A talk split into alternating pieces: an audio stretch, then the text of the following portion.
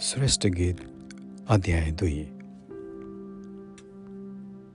प्रेमिका म त सारोनको गुलाफ र बेसीमा उम्रने लिली फुल हुँ प्रेमी काँडाहरूका माझमा फुलेको लिली फुल झैँ मेरी प्यारी अन्य कन्याहरूका बिचमा छिन् प्रेमिका वनमा भएका रुखहरूमध्ये स्याउको रुख जस्तै पुरुषहरूका बिचमा मेरा प्रेमी हुनुहुन्छ त्यस छहारीमा म बडो आनन्दले बस्छु अनि उहाँको फलको स्वाद मलाई साह्रै मिठो लाग्छ।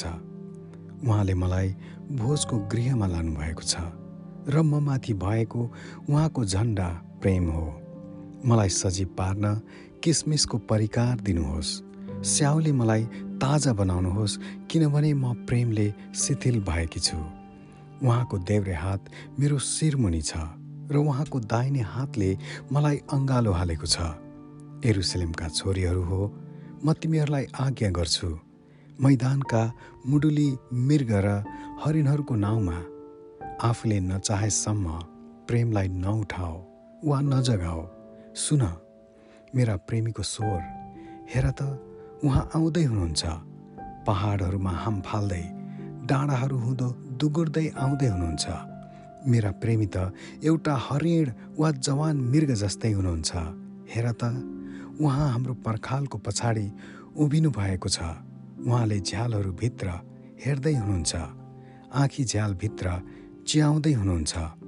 मेरा प्रेमी बोल्नुभयो र मलाई भन्नुभयो उठ हे मेरी प्यारी मेरी सुन्दरी र मसित आऊ। हेर अब हिउँद बित्यो वर्षा पनि सिद्धियो। पृथ्वीका फुलहरू देखा पर्न थाले। गीत गाउने समय आयो र ढुकुर कुर्लेको स्वर हाम्रो देशमा सुनिन्छ।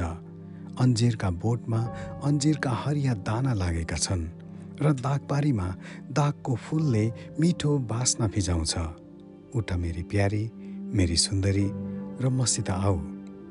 प्रेमी पहरामा गोप्य पालहरू हुँदो। भिरालो चट्टानमा बस्ने मेरी ढुकुर। मलाई तिम्रो अनुहार देखाऊ तिम्रो स्वर सुन्न पाऊ किनभने तिम्रो स्वर मिठो छ र तिम्रो मुहार सुन्दर छ।